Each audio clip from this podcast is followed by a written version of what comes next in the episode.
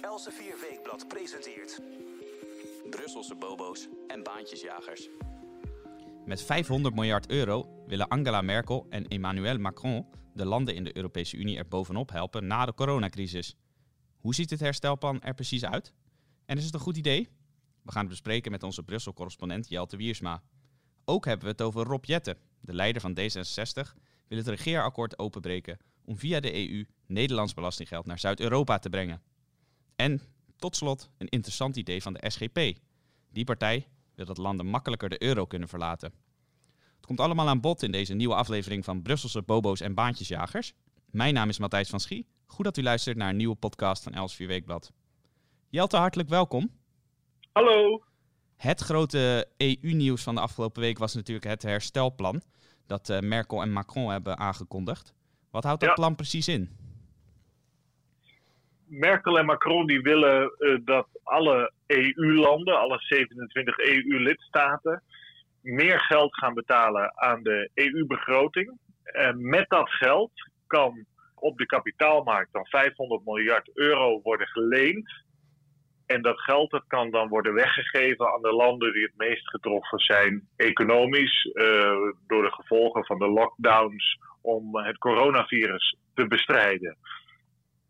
En eh, het idee is dan dat die verhoging van de EU-begroting, eh, dat die eh, wordt gedaan over meerdere termijnen. De EU-begroting wordt altijd in cycli van zeven jaar afgesproken.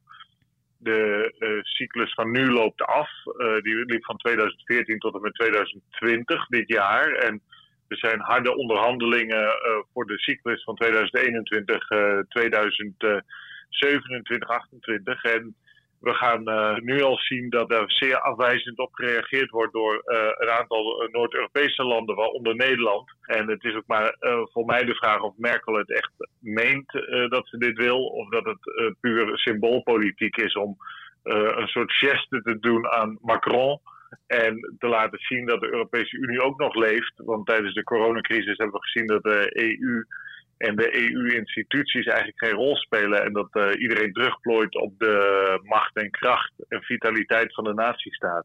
Ja, jij eh, zei vorige week al in de, in de podcast inderdaad dat Merkel en Macron toch hele andere dingen willen. Dus inderdaad, het is nog maar de vraag wat jij zegt of Merkel hier daadwerkelijk achter staat. Maar eh, als we dan toch even gaan kijken naar dit plan. Eh, jij schreef eh, afgelopen week op de website van Elsevier Weekblad een commentaar, eh, of een, een uitlegstuk moet ik zeggen, over, over dit plan. En jij zei, niets is wat het lijkt in deze. Het, het plan wordt heel anders gepresenteerd dan dat het daadwerkelijk behelst. Eh, in wat voor opzicht? Nou, we weten dat Macron en Merkel elkaar niet mogen. En dat is vooral omdat Merkel vindt Macron een vervelend klein jongetje eigenlijk. Zij zei vorig jaar in november tijdens een diner in, in Berlijn eh, was dat eh, tegen Macron van eh, jij maakt elke keer brokken en dan verwacht je dat ik de scherven weer aan elkaar eh lijm. Dat was een uitval natuurlijk van de, de schoolmeesteres tegen een stoute leerling. En dat is de verhouding ook wel een beetje. En dit is nu de vierde president waarmee zij van doen heeft. En ze worden er qua kwaliteit niet beter op. Ehm, Merkel heeft eh, zich elke keer gekeerd tegen transfers naar Zuid-Europa. Die zegt: zolang ik bondskanselier ben, komen er geen eurobonds, euro-obligaties. Dus gedeelde staatsleningen waar vooral Zuid-Europa van zal profiteren. Ehm, maar zij zegt ehm, nu toch van, nou, wij gaan eh, dit voorstel eh, inbrengen tijdens de Europese Raad van Regeringsleiders, die ehm, in juni zal plaatsvinden als een gemeenschappelijk Duits-Frans voorstel. In de wetenschap dat het voor Nederland, Oostenrijk, Zweden en Denemarken een absolute no-go is om geld te geven aan Zuid-Europa. Die vier zeggen wel, en dat zegt Duitsland eigenlijk ook altijd, we willen best leningen geven en uh, garanties daarvoor afgeven, maar we willen niet geld aan jullie geven. Precies, en die, die vier landen die jij noemt, uh, Nederland, Oostenrijk, Zweden, Denemarken, die worden dan vaak in de media ook uh, wel de vrekkige vier genoemd. Maar jij uh, schrijft dan ook weer in een ander commentaar op onze website, dat zijn helemaal niet de vrekkige vier. Maar dat zijn juist eerder de verstandige vier, want hun houding is eigenlijk de, de beste, meest verstandige houding in deze kwestie. Ja, natuurlijk. het heeft helemaal geen zin om nog meer geld naar Zuid-Europa te sturen. Laten we wel zijn, er gaat al enorm veel geld naar Zuid-Europa. Simpelweg doordat de Europese Centrale Bank de rente heel laag houdt en heel veel staatsobligaties bij uh, koopt. Uh, die hebben inmiddels voor bijna 2500 miljard. Dat is een waanzinnig bedrag aan obligaties, eh, staatsobligaties in de boeken staan. Die hebben zij opgekocht en daarmee de rente op Zuid-Europese staatsleningen naar beneden gedrukt.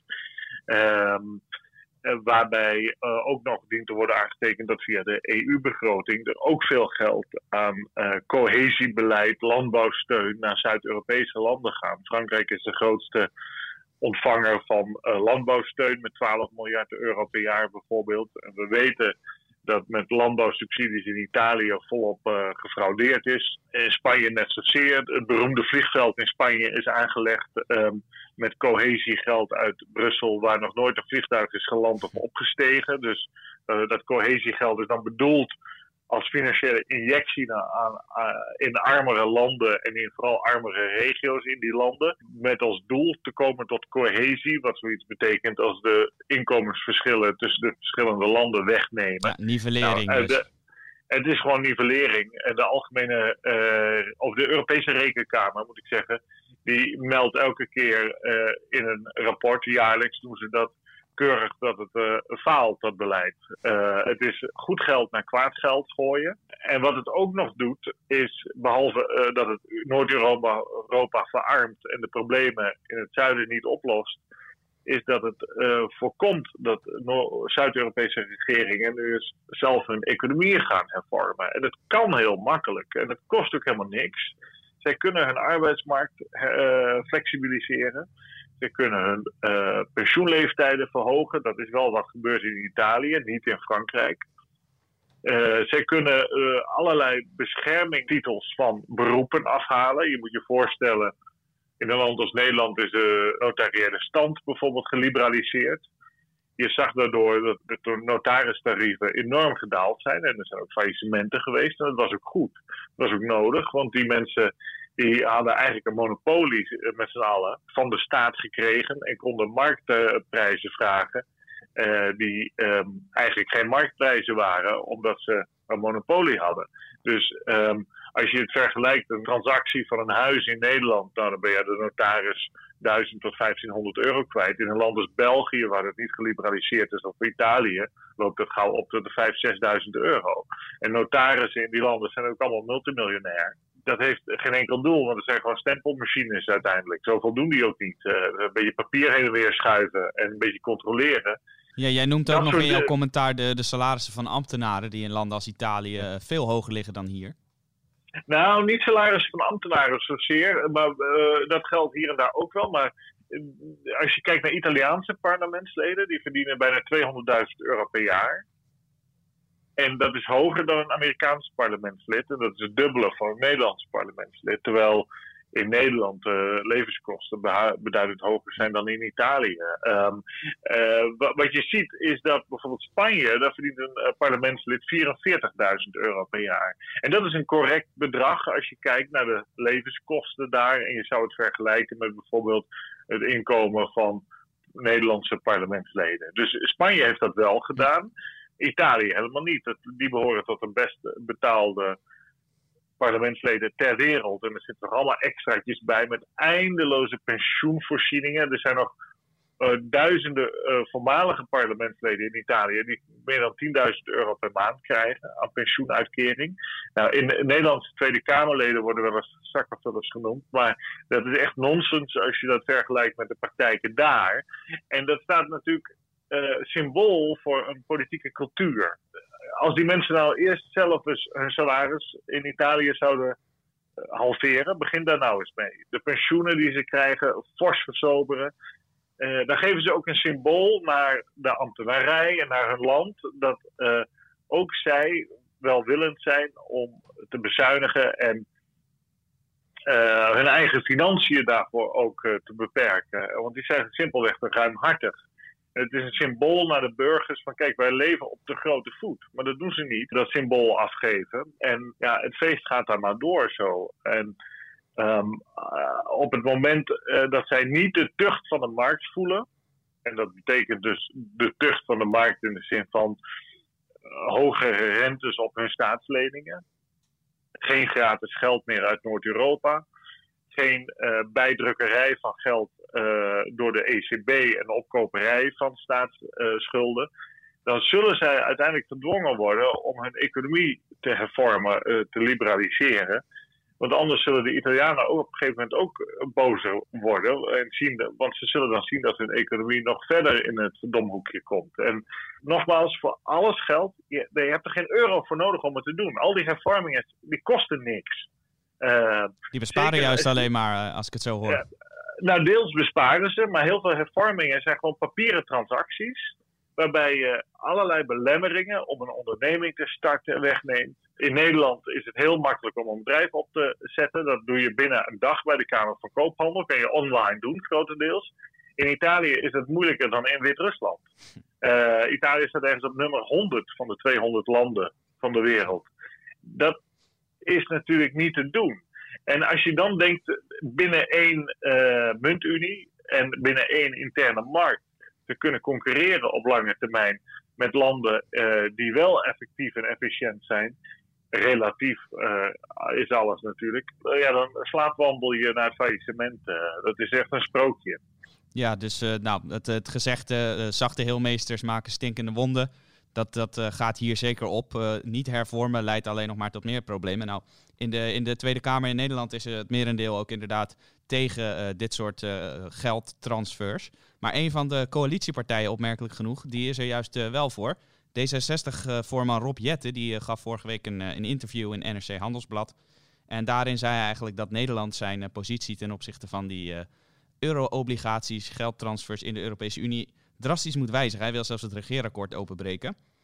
En ja, hoe moet je dat nou zien, die, die positie van Rob Jette, die toch eigenlijk tegen het kabinet ingaat? Is dat nou wel enigszins vanuit het Nederlandse belang gedacht of helemaal niet? Nee, zeker niet.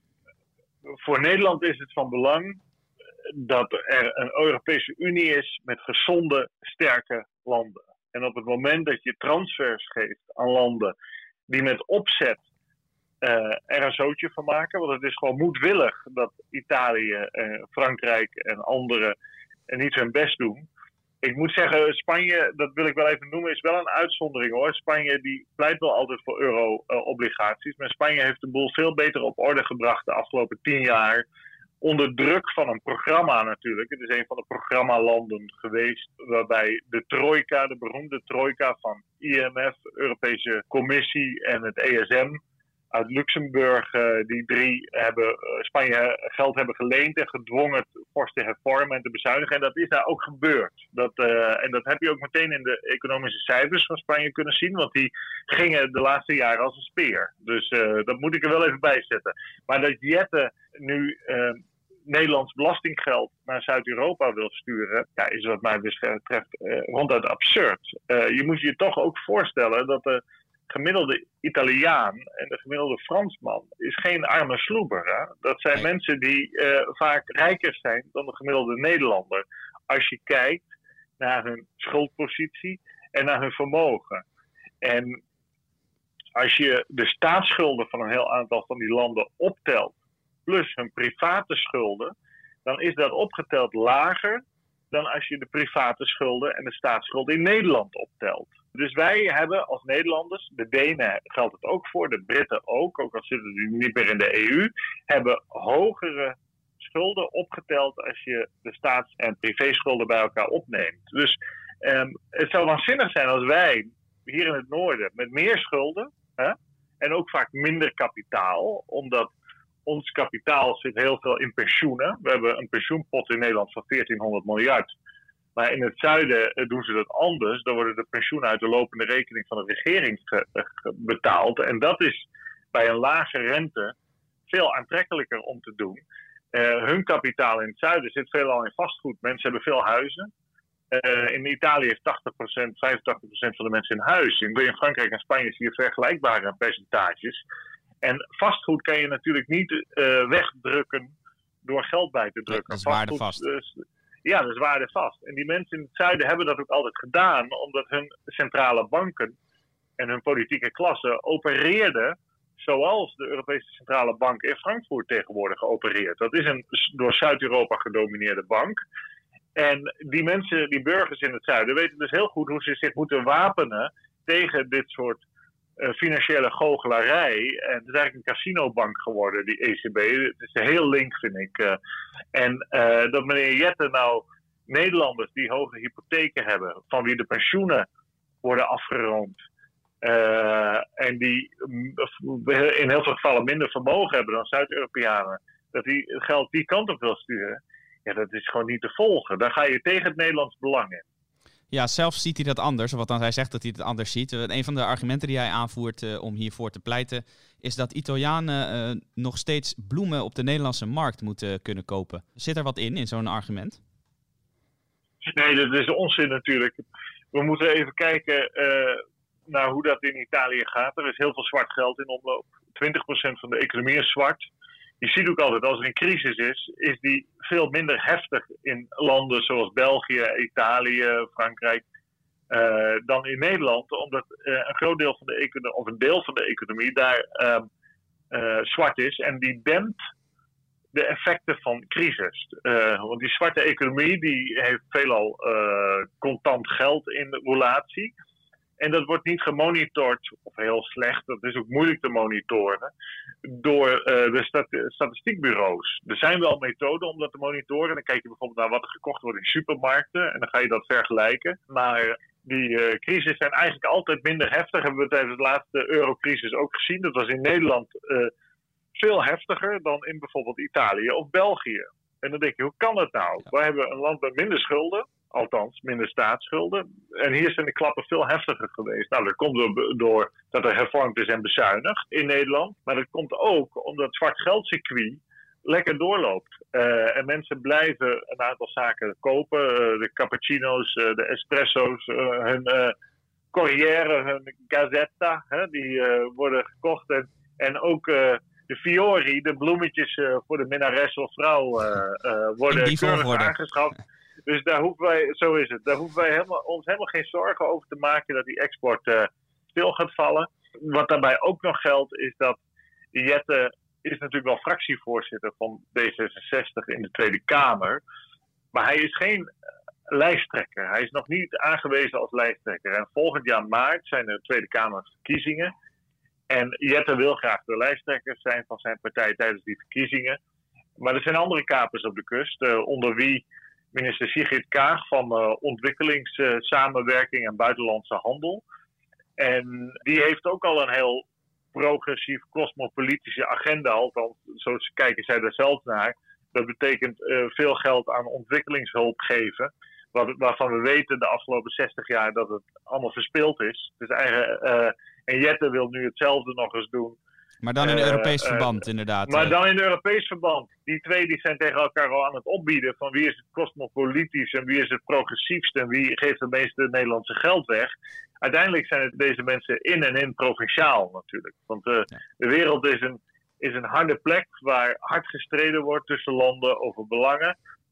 En niemand geeft zomaar zijn geld weg. En Nederland behoort al tot het ge meest genereuze land in de Europese Unie. Ja, de grootste netto-betaler zijn we natuurlijk.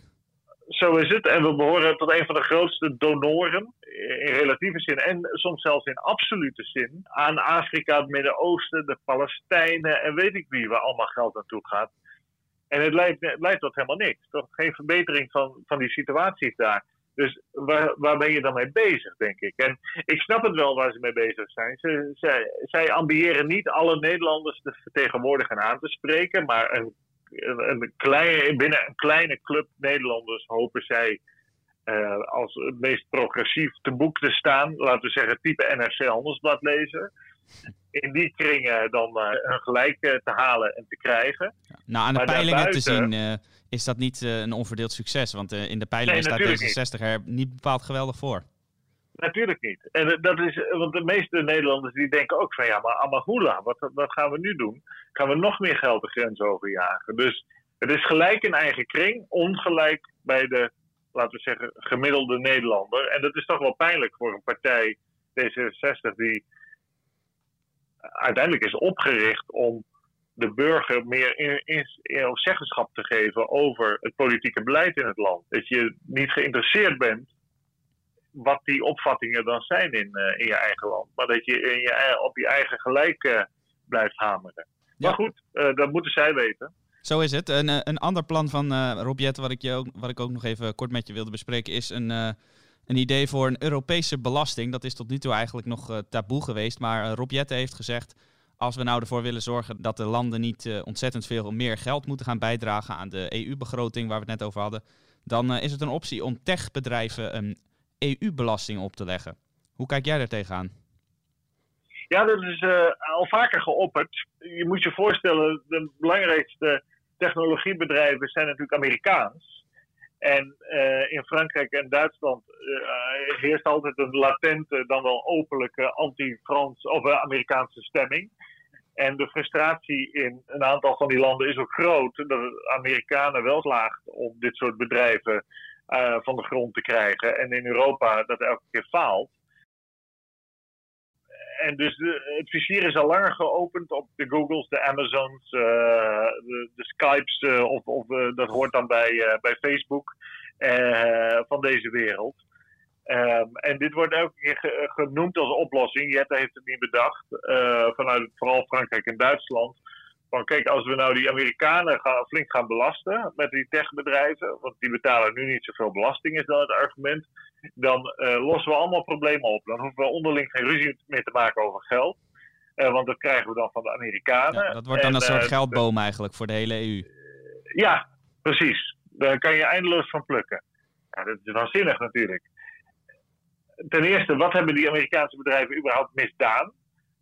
Ik sterker nog, in de economie zoals we die tijdens deze coronacrisis steeds meer gaan kennen, met uh, telewerken en Skype en, en Teams uh, verbindingen. Dat is dan van Microsoft. Ja, wij doen het ook op de redactie volop inderdaad. Uh, we hebben het hard nodig. Het is, het is toch fantastisch. En het scheelt meteen heel veel CO2-uitstoot. Want niet meer iedereen hoeft naar kantoor te rijden. Het is een geweldige vooruitgang wat mij betreft. minder stress, want je hebt niet al, het, al die reistijd en zo.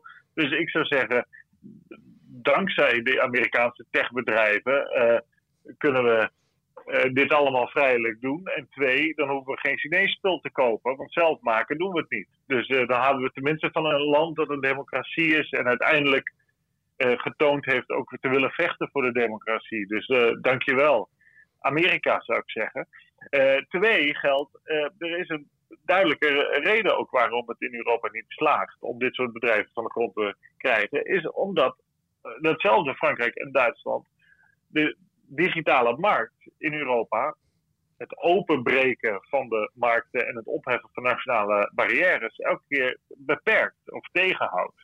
De industriemarkt is wel open als je praat over de interne markt, maar heel veel diensten, waaronder het digitale deel, zijn niet open. Daar zie je protectionisme in Frankrijk en Duitsland. Dat is een van de redenen. Twee is dat er een gebrek is aan venture capital, uh, dus durfkapitaal van private investeerders. Alles in Europa wordt gefinancierd door staten of banken. Uh, en die nemen veel minder risico's. Uh, drie, de bevolking is wat ouder. Maar aan ideeën geen gebrek hè, in Europa. Er zijn allerlei gefrustreerde ondernemers die, die, die weggaan.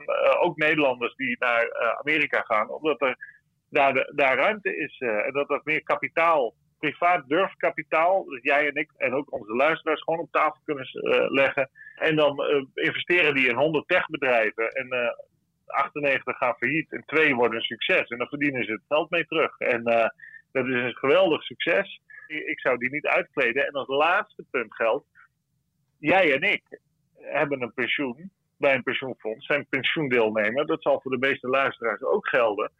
Die pensioenfondsen, die hebben door de lage rente van de Europese Centrale Bank hard hoge inkomsten nodig van succesvolle bedrijven op de beurs. En dat zijn deze techbedrijven. Die keren de winsten die ze maken deels uit aan dividenden en ze hebben koersstijgingen, waar ook uh, pensioenfondsen die eigenaar zijn van uh, aandelen van die bedrijven van profiteren. Dus uiteindelijk zijn er heel veel Nederlanders en in bredere zin mensen in andere Europese uh, landen, die ook gewoon hun inkomen daaruit hebben. En op het moment dat je dat gaat belasten, dan gaat dat geld dus in de handen van politici in Brussel. Nou, en de ervaring leert, zoals we eerder hebben gezien met cohesiebeleid, landbouwbeleid, dat dat nou niet zo'n succes is. Dus je moet het geld uit de handen van de politici houden.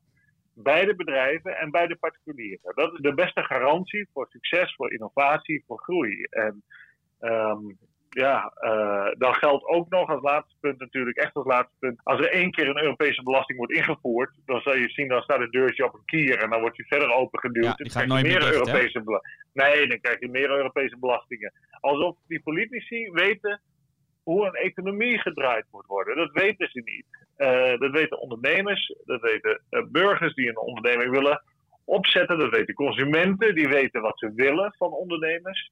Maar die eindeloze grote broek die wordt aangetrokken, dat geldt trouwens in Den Haag vaak ook, maar in mindere mate, maar zeker in Brussel, geïnspireerd door Frankrijk, maar ook Duitsland, eh, Italië enzovoort. Dat zij als politici en ambtenaren wel weten wat goed voor jou is, dat is wat mij betreft echt absurd. Uh, en het werkt historisch ook niet. Het leidt alleen maar tot armoede. En we zien dat Europa het gewoon economisch niet zo goed doet ten opzichte van anderen. En dat komt mede hierdoor. Uh, ik snap niet dat uh, meneer Jette, want dat is een zeer prettige en intelligente man, dit niet ziet. Ja, inderdaad heel bijzonder. En uh, het lijkt ook de, de partij D66, zoals we net al zeiden, in de peilingen niet direct ten goede te komen.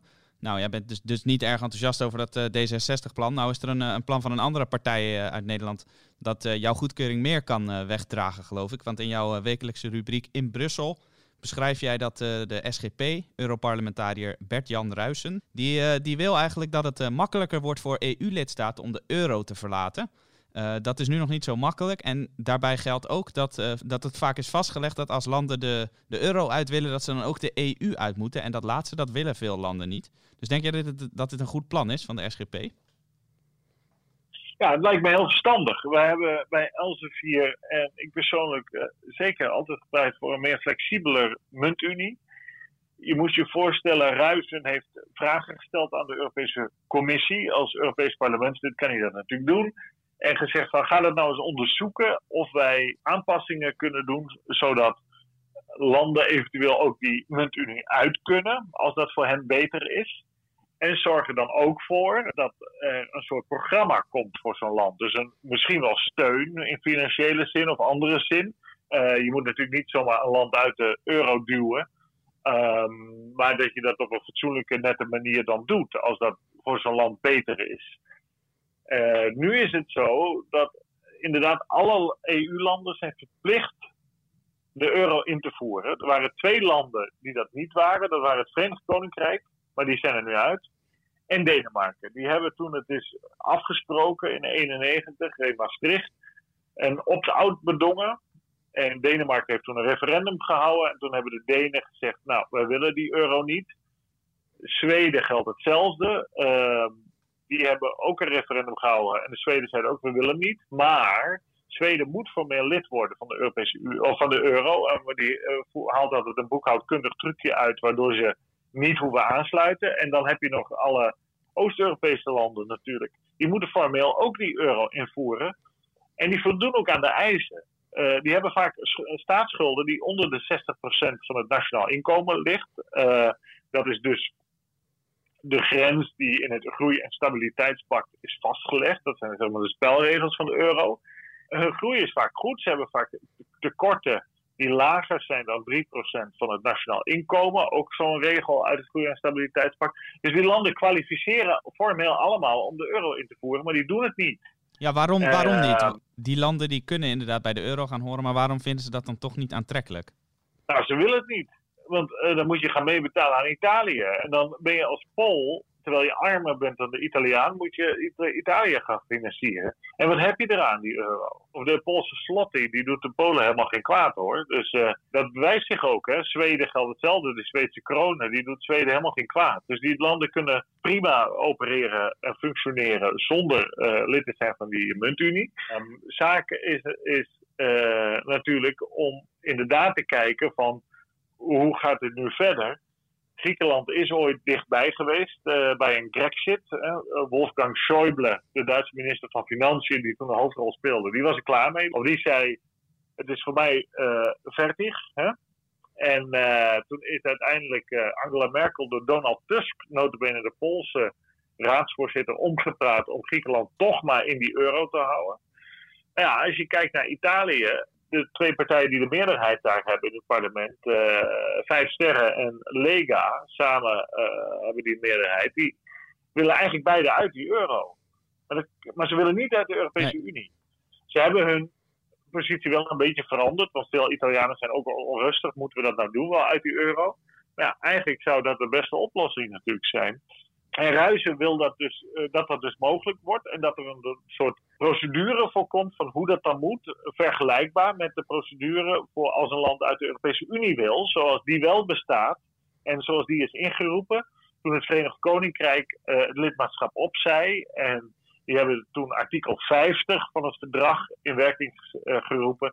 En daar zit een hele procedure bij. En dat is een heel nuttig instrument om vriendelijk uit elkaar te gaan. En uh, het lijkt me heel goed dat dat voor de euro er ook komt. en dat je bijvoorbeeld ook de schuldverdeling bij de Europese Centrale Bank kunt meenemen. Dus dat soort zaken moeten opgehelderd worden. Dus een goede vraag. En ik ben heel benieuwd wat de commissie gaat antwoorden. Ja, nou weten we natuurlijk dat in Nederland de SGP nou niet bepaald een grote partij is. En in het Europese parlement is dat ook zo. Maar denk jij dat er voldoende steun is van andere fracties en andere partijen voor dit plan? Dat is een goede vraag. Um, de commissie moet in ieder geval de vraag beantwoorden. Dus dat is al boeiend om te zien wat er uitkomt. Ik je ziet dat het EU-sceptische deel groeit. Uh, dat is bij de laatste verkiezingen natuurlijk in mei 2019 uh, eh, zichtbaar geworden. Er is wel veel zorgen over dit. Want ehm, op het moment dat landen uit de euro zouden kunnen, dan wordt de verleiding natuurlijk veel groter om dat te doen of om er eventueel uitgeduwd te worden. En ja, dat, is een dat zal een ontrafeling van die eurozone betekenen zoals we die nu zien. En dan valt een beetje het idee van die eurozone in duigen. Want de landen die er waarschijnlijk uitgaan zijn de landen uh, of in Zuid-Europa. Of, of de landen in Noord-Europa zijn er klaar mee dat ze niet meer willen betalen en gaan eruit. En, en dat bijvoorbeeld Nederland, net zoals Denemarken en Zweden, zegt: Nou, we hebben er geen zin meer in om voor het zuiden te betalen. En die euro is natuurlijk alleen maar ingevoerd juist om het noorden voor het zuiden te laten betalen. Dat is het hele idee erachter geweest. En Helmut Kohl, de Duitse bondskanselier, heeft daar destijds mee ingestemd. En daarmee de macht van de Duitse D-mark in de prullenbak gegooid. Omdat de Fransen zo bang waren voor een dominant Duitsland. Want Duitsland ging verenigen. Herenigen, moet ik zeggen. En maar werd daarmee verreweg het grootste land uh, in Europa. Dus het is een uitruil geweest van die twee dingen. Uh, Duitsland mocht herenigen, maar dat mochten ze sowieso wel.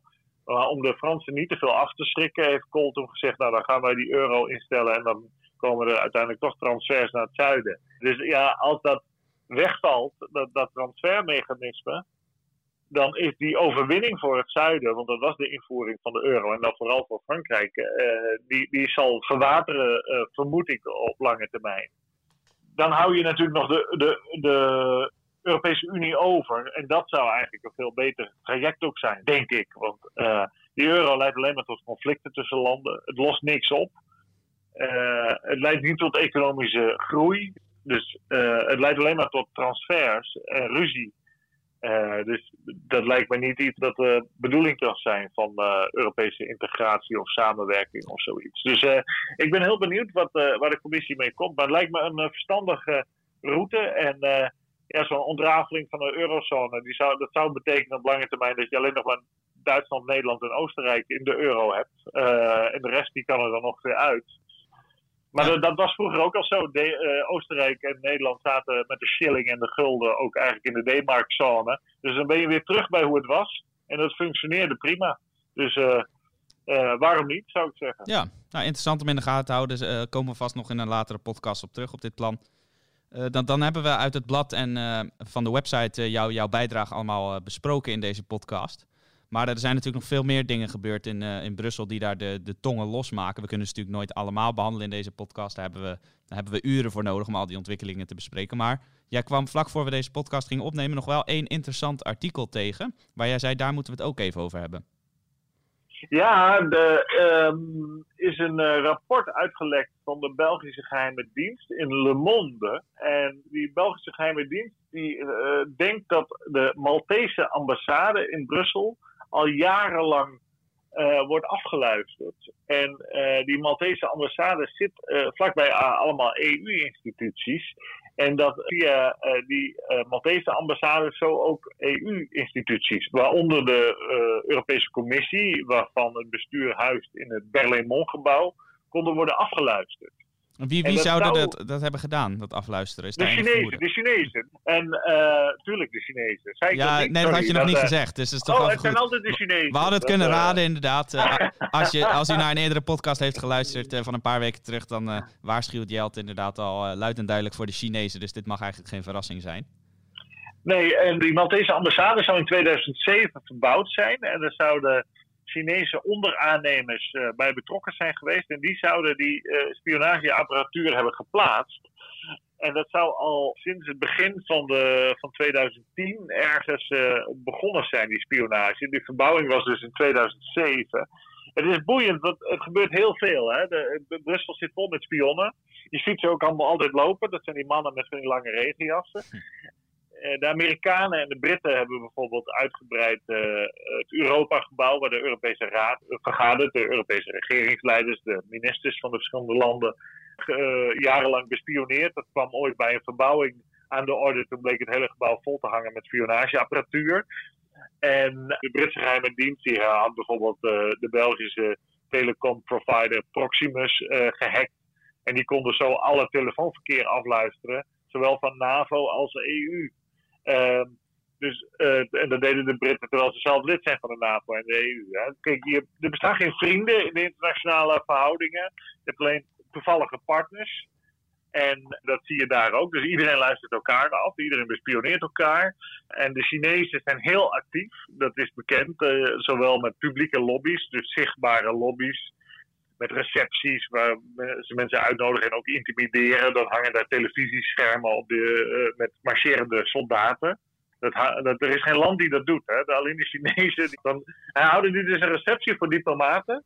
En politici en ambtenaren en, en journalisten. En dan hangen ze dus televisieschermen op. Met marcherende Chinese soldaten daarop. Tja.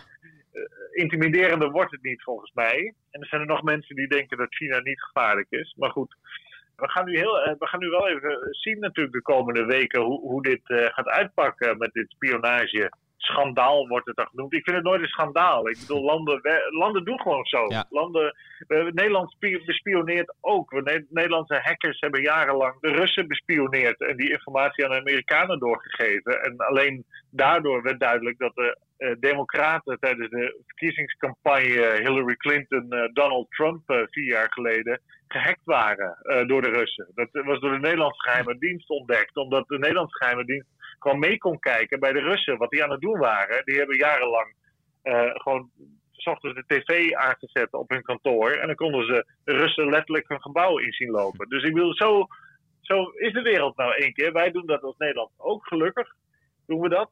Maar als China het doet, dan, dan is het natuurlijk een ander verhaal. Want we hebben natuurlijk van jou gehoord uh, onlangs hoe, uh, hoe gevaarlijk China is op het wereldtoneel. Nou ja, er is een vijandige mogendheid. En natuurlijk is dat heel gevaarlijk. En je moet aan alle kanten de Chinezen eruit houden. En het begint al eh, bij verbouwingen of het bouwen van een gebouw of het installeren van apparatuur in jouw gebouw of zelfs je schoonmaakploeg die in je ambassade komt die moet je natuurlijk helemaal screenen. Dat moeten eigenlijk nooit buitenlanders zijn. Kijk, de Amerikanen hebben een aantal jaren geleden een nieuwe ambassade gebouwd uh, ten noorden van Den Haag op de weg naar Wassenaar. En dat hebben zij gedaan door bouwvakkers die werden ingevlogen uit Amerika. Ja. Dus een bevriende natie zoals Nederland, een kabouternatie zoals Nederland, die ook niks zou kunnen uitrichten tegen de Verenigde Staten. Uh, zelfs zo'n land landje wordt door de Amerikanen dus niet vertrouwd. Ze vliegen hun eigen bouwvakkers in. En hoe de waard is vertrouwd met zijn gasten. De Amerikanen die weten natuurlijk zelf dat als ze de kans krijgen om ergens bouwvakkers aan het werk te laten uh, om een ambassade binnen te komen en daar een muurtje in te zetten of zo, dat het wel een goede kans is om ook wat spionageapparatuur te plaatsen. De Chinezen zijn ook niet achterlijk, sterker nog, die zijn erg intelligent. En die doen natuurlijk precies hetzelfde. Dus je moet dat nooit toelaten. En dat je überhaupt met onderaannemers gaat werken is naïef. Eh, een klein landje zoals Malta, dat zijn 400.000 inwoners op een eilandje, is zeer kwetsbaar. En je moet je ook afvragen of dit soort landjes, uh, Malta heeft zich leren kennen, laten leren kennen als in en in corrupt. Die verkopen ook allemaal paspoorten aan, aan, Russen. Er is een journaliste vermoord door mensen die allemaal banden hebben met de politiek. Het is eh, groot crimineel hol om het plat te zeggen. Ik ben een keer geweest, het is een prachtig eiland, erg leuk. Uh, maar na vier dagen ben je er ook wel weer uitgekeken. Maar dit is uh, ja, een hele zwakke steen in dat bouwwerkje Europese Unie. En ik denk dat je dit soort landen, en dat geldt voor wel meer, die zo zwak zijn en, en paspoorten verkopen en allemaal dit soort activiteiten ondernemen, dat, je die eigenlijk buiten moet sluiten in heel veel communicatie, omdat het gewoon te gevaarlijk is. Uh, maar goed, ik steek mijn handen ook niet in het vuur voor Nederland voor, uh, en voor andere landen hoor. Dat die hun ambassade wel op een verstandige manier hebben laten bouwen of verbouwen. De Nederlandse ambassade in Brussel wordt regelmatig uh, door de geheime dienst gescand natuurlijk, door de IVD. En er, is ook altijd, er zijn ook altijd liaisons van de geheime dienst, dus Nederland is daar ook actief. En er zijn allerlei coffeeshops bijvoorbeeld. Uh, dan bedoel ik niet waar je wiet kan kopen, maar koffiesalons waar je een broodje en een koffie uh, kan halen rond de Europese instituties, waarvan altijd gezegd wordt in Brussel, daar wordt ook volop afgeluisterd. dus de Exki, dat is een Belgisch bedrijf met erg lekkere soep en broodjes enzovoort, die zit aan het Schumann plein uh, waar Berlaymont staat en waar veel uh, ambassades zijn. En ja, daar wordt naar verluid altijd afgeluisterd. Dus het is ook aan te raden voor journalisten die iets geheims willen horen, of voor ambtenaren of diplomaten die iets willen bespreken met elkaar, politici, om dat niet op dat soort plekken te doen. de truc is natuurlijk altijd bij een fontein te gaan staan in een park. Maar dat moet wel rekening mee worden gehouden. En er is nog veel naïviteit over in, uh, in het Brusselse. Ze hebben, er is een geheime dienst, of er is een soort veiligheidsdienst onder leiding van een Duitser in, uh, in Brussel voor de Europese instituties. Maar hoe capabel die is ten opzichte van bijvoorbeeld hele oude en ervaren geheime diensten zoals de Nederlandse of de Britse, dat uh, waag ik te betwijfelen. Dus we hebben hier het laatste woord denk ik nog niet over gezegd ja, inderdaad uh, spannend om in de gaten te houden ook inderdaad of dit een uh, nou ja, schandaal wil jij het niet noemen, maar of deze kwestie zich voort blijft slepen of dat, het, uh, dat we er nooit meer wat van horen. Dat, dat gaan we vanzelf merken. Jelt, ik denk dat we weer van alles hebben besproken voor ieder wat wils, van spionage kwesties tot, tot geldtransfers. En, we missen de boekentip nog. Ja, de boekentip. Jij hebt wel net een, een restaurant-café tip gegeven, maar nog geen boekentip. Nee, ik heb niet echt een boekentip voor deze week. Nee. Nou, dan moeten we er volgende week twee doen, denk ik. Die hou je van me te goed. Heel goed. We zijn aan het einde gekomen van deze podcast. En uh, als u nou uh, denkt, ik wil die artikelen die net zijn besproken nog allemaal even op mijn gemak teruglezen. De, de links daarnaar kunt u uh, vinden in de beschrijving van deze podcast. Staat nog heel veel meer in wat hier niet aan bod is gekomen. En wij zien het aantal luisteraars met de week hard groeien. Dus daar zijn we erg blij mee en dankbaar voor.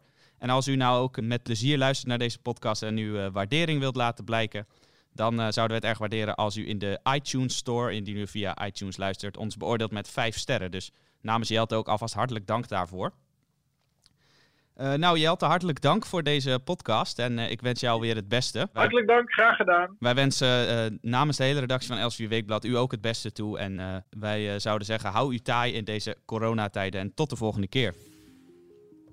Daarmee zijn we aan het einde gekomen van deze podcast. Mijn naam is Matthijs van Schie en ik wil u ook hartelijk danken voor het luisteren. Bent u nou benieuwd geworden naar de artikelen die we zojuist hebben besproken in deze podcast? Die kunt u allemaal lezen in Els 4 Weekblad of op onze site. Voor een abonnement, waarbij u ook onbeperkte digitale toegang krijgt, kunt u surfen naar www.els4weekblad.nl. Daar kunt u zich ook abonneren op onze podcastseries. Dat kan ook door in uw favoriete podcast-app, bijvoorbeeld Spotify of iTunes, te zoeken op Els 4 Weekblad. Dit was het voor nu. Graag tot de volgende keer.